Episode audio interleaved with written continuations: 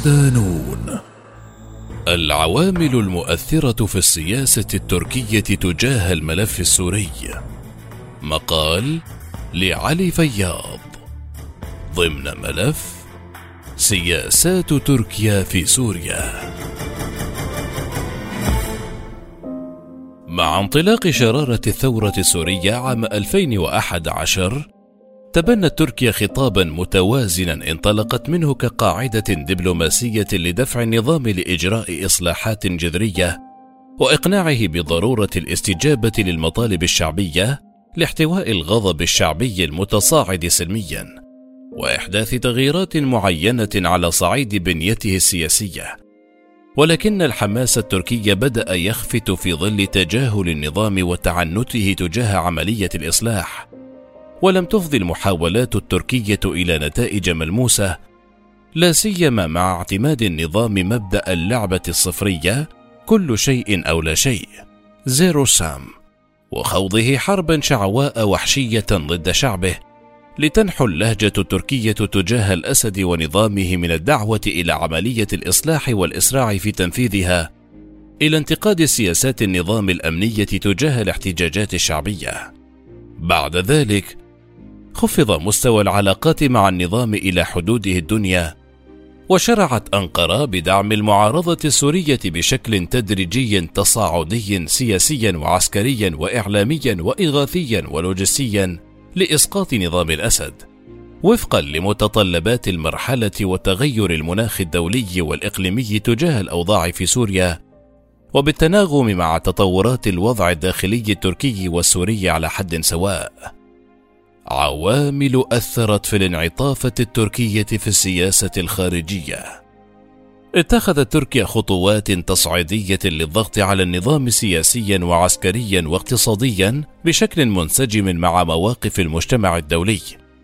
حيث قدمت الدعم السياسي للمعارضة السورية بدءا باستضافتها معظم قيادات المعارضة السياسية بمختلف تياراتها على أراضيها وصولا إلى سحب سفيرها من سوريا واعتبارها أن نظام الأسد فاقد للشرعية منادية بضرورة تضافر الجهود لإسقاط النظام ودعم حقوق الشعب السوري.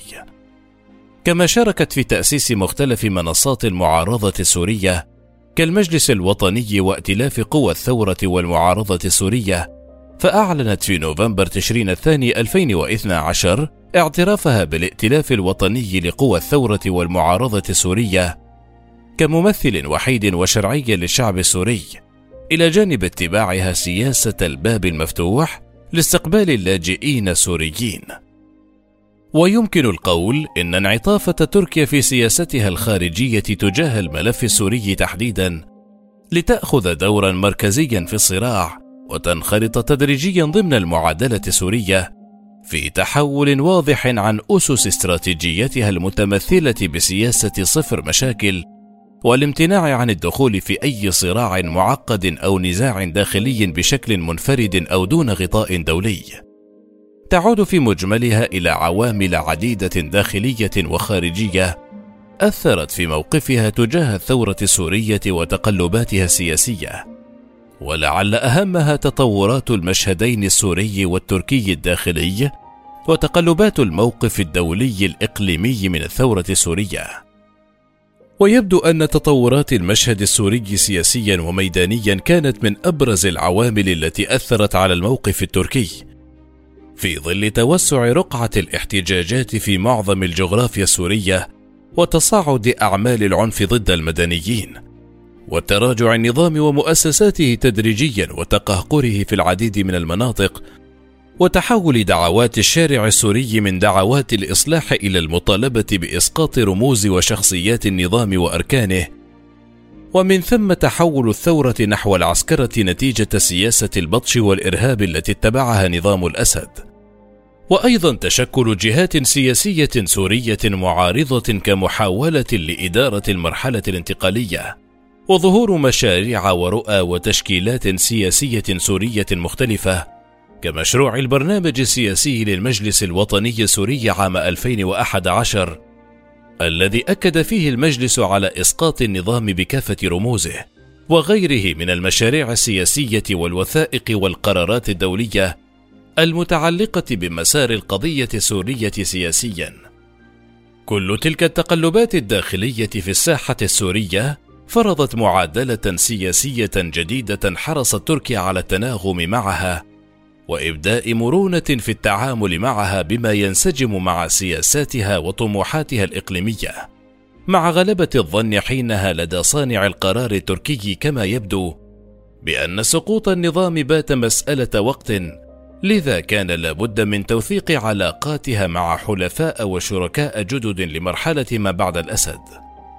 وفي السياق ذاته تناغم الموقف التركي تجاه الملف السوري مع موقف المنظومة الدولية العام إذ كان هناك مزاج دولي وإقليمي عام يؤيد إلى حد ما المطالب الشعبية ويساند عملية التحول في المنطقة فضلا عن توجه بعض القوى الدولية والعربية لفرض عقوبات سياسية واقتصادية ضد النظام.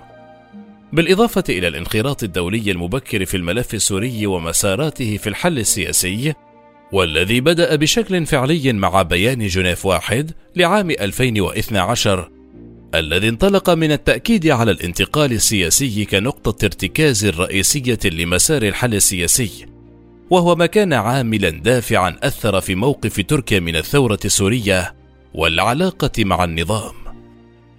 إلى جانب ذلك لعبت تفاعلات المشهد الداخلي التركي دورا مهما أيضا في بلورة الموقف التركي تجاه الوضع في سوريا. لا سيما تلك المتعلقة بتغير التفضيلات السياسية والاستراتيجية التي تبنتها تركيا مع قدوم حزب العدالة والتنمية إلى الحكم عام 2002 المتعاطف عموما مع قضايا الشعوب العربية والإسلامية والذي تبنى مقاربة سياسية خارجية نشطة وأكثر حركية وديناميكية للعب دور قيادي وفاعل ومركزي مؤثر في المشهد الإقليمي. لا سيما في منطقة الشرق الأوسط الذي يعد مجالا حيويا وعمقا استراتيجيا لتركيا. وفي الوقت نفسه كان للرأي العام التركي المعارض لنظام الأسد والداعم لمطالب الشعب السوري والذي ازداد تصاعديا مع بداية الثورة السورية دافع إضافي للتحول التدريجي في الموقف الرسمي التركي. إذ يبدو أن القيادة التركية حرصت حينها على عدم مصادمة الرأي العام التركي واتخاذ موقف يعكس توجهاته.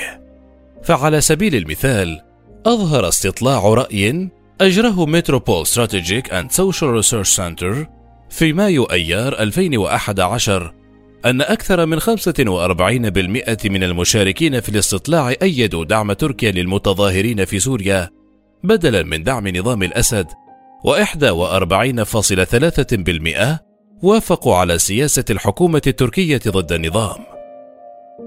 تشظي الصراع في سوريا والحسابات الداخلية والخارجية التركية بقيت العوامل الثلاث المتعلقة بالمشهد السوري الداخلي وتفاعلات المشهد التركي والمزاج الدولي العام هي المحرك الرئيسي للسياسة التركية الخارجية تجاه سوريا والمؤثر المباشر على تفاعلاتها. إذ كان للتغييرات التي طرأت على الملف السوري أثرها المباشر في إعادة تقييم تركيا سياستها تجاه الملف السوري. ومن أهم هذه المتغيرات تحول الساحة السورية بعد تعقد مجريات أحداثها إلى ساحة صراع وفوضى عارمة بنيوية تلاقت فيها مصالح وحسابات أطراف دولية وإقليمية متعددة. وتناقضت تلك الحسابات والمصالح الاستراتيجية والأمنية والاقتصادية والأيديولوجية وتداخلت مع تزايد حجم الانخراط الإقليمي والدولي وتشعبه ضمن ثنايا المعادلة السورية ما عمق الأزمة السورية وجعل سوريا ميدانا لتصفية الحسابات والنزاعات الدولية والإقليمية وساحة استقطاب سياسي وأيديولوجي حاد بين فواعل مختلفة. وقد مثل هذا تحديا مباشرا للأمن القومي والمجتمعي التركي وأثر بطبيعة الحال على الموقف التركي وحد من خياراتها الاستراتيجية. الأمر الذي تطلب منها إعادة النظر في استراتيجياتها بعد أن مرت بحالة من التردد والارتباك في التعامل الأمثل مع الملف السوري في ضوء المعطيات المستجدة في المشهد السوري. حيث وجدت تركيا نفسها طرفا وسط استقطابات شديدة بسبب موقفها المعلن من الثورة السورية.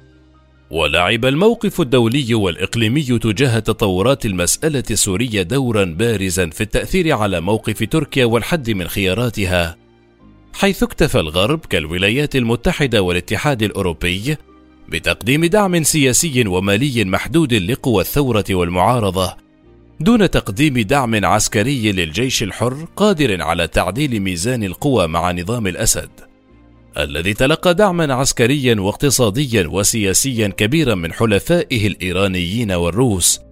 ما عقد حسابات تركيا وشكل عقبة أمام سياساتها في سوريا. إذ عارضت تركيا الموقف الإيراني الروسي المؤيد والداعم للنظام لكنها افتقدت في الوقت نفسه الغطاء الدولي لا سيما من الغرب الذي اتخذ خطوات خجولة دون رؤية استراتيجية واضحة مستدامة تستطيع الاستناد عليها في دعم سياستها في سوريا فضلا عن العزلة الدولية والإقليمية التي بدأت تعاني منها تركيا نتيجة مواقفها من قضايا المنطقة وثورات الربيع العربي لا سيما السورية والمصرية. كما أن تزاحم الملفات الداخلية وتعاقبها ودخول تركيا في حالة من عدم الاستقرار السياسي أثر بطبيعة الحال على السياسة التركية في سوريا خاصة بعد أحداث جيزي بارك عام 2013 وتعثر عملية السلام الداخلي مع الأكراد بعد ثلاث سنوات من المفاوضات الجادة بين الحكومة التركية وحزب العمال الكردستاني بيكاكا.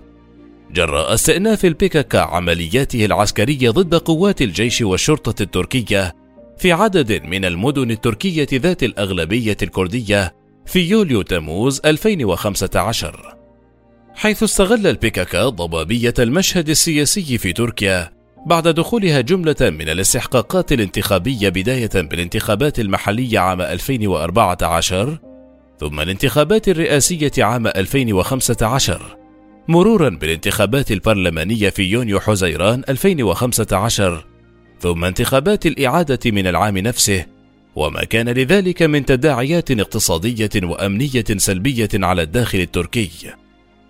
كل ما سبق حد فيما يبدو من قدرة تركيا على المناورة خارجيا فيما يتعلق بالملف السوري تحديدا، حيث اكتفت بالعمل على تحقيق خرق معين في المسألة السورية من خلال بعض الجهود الدبلوماسية والعسكرية عبر احتضان المعارضة السورية والعمل على رفع قدرتها وتأمين الدعم الدولي لها وتأمين المساعدات الإنسانية اللازمة للشعب السوري. والعمل على عزل نظام الأسد سياسيا واقتصاديا وحشد الجهود الدولية لإسقاط النظام عسكريا وإبداء استعدادها للمشاركة في أي إجراء دولي ضد النظام بعد سنوات من رفض فكرة التدخل العسكري الدولي في سوريا. وأيضا الدعوة لإقامة منطقة آمنة شمال سوريا والتي طرحها الرئيس التركي رجب طيب أردوغان لأول مرة في مايو أيار 2013 بهدف حماية الحدود التركية الجنوبية مع سوريا من التهديدات الأمنية وإيواء المدنيين السوريين الفارين من الصراع فضلا عن حصر خياراتها العسكرية بالرد على أي قصف يستهدف الأراضي التركية من قبل النظام بعد خروقات النظام المتكررة والتحييد المرحلي لخيار التدخل العسكري الفردي دون الغطاء الدولي داخل الأراضي السورية. كما أدت كل تلك التطورات مجتمعة إلى تبلور قناعة لدى صانع القرار التركي بضرورة إعادة النظر في سير سياسة تركيا الخارجية ومراجعتها والعودة بها إلى دائرة التواصل مع مختلف الأطراف وتخفيف حدة الاستعداء مع الأطراف المختلفة في المنطقة لا سيما الولايات المتحدة الأمريكية وروسيا وهو ما نتج عنه مشاركة تركيا في التحالف الدولي ضد داعش والسماح للولايات المتحدة باستخدام قاعدة إنجرليك العسكرية بعد أشهر أيضا من الرفض إضافة إلى فتح تركيا باب المصالحة والتهدئة مع بعض الفواعل الدولية كروسيا خاصة بعد إسقاطها طائرة روسية في تشرين الثاني من العام 2015 ميلادي في سوريا. في المحصلة، فإن حالة الفوضى التي شهدتها الساحة السورية والتي ترافقت مع تدخلات دولية وانعكاس ذلك على المشهد الداخلي التركي لتصبح المسألة السورية شأنا داخليا تركيا. مع ازدياد حجم تهديد تنظيم YPG المدعوم امريكيا بعد تمدده على الحدود السورية التركية. وما كان له من تهديدات على الأمن القومي التركي.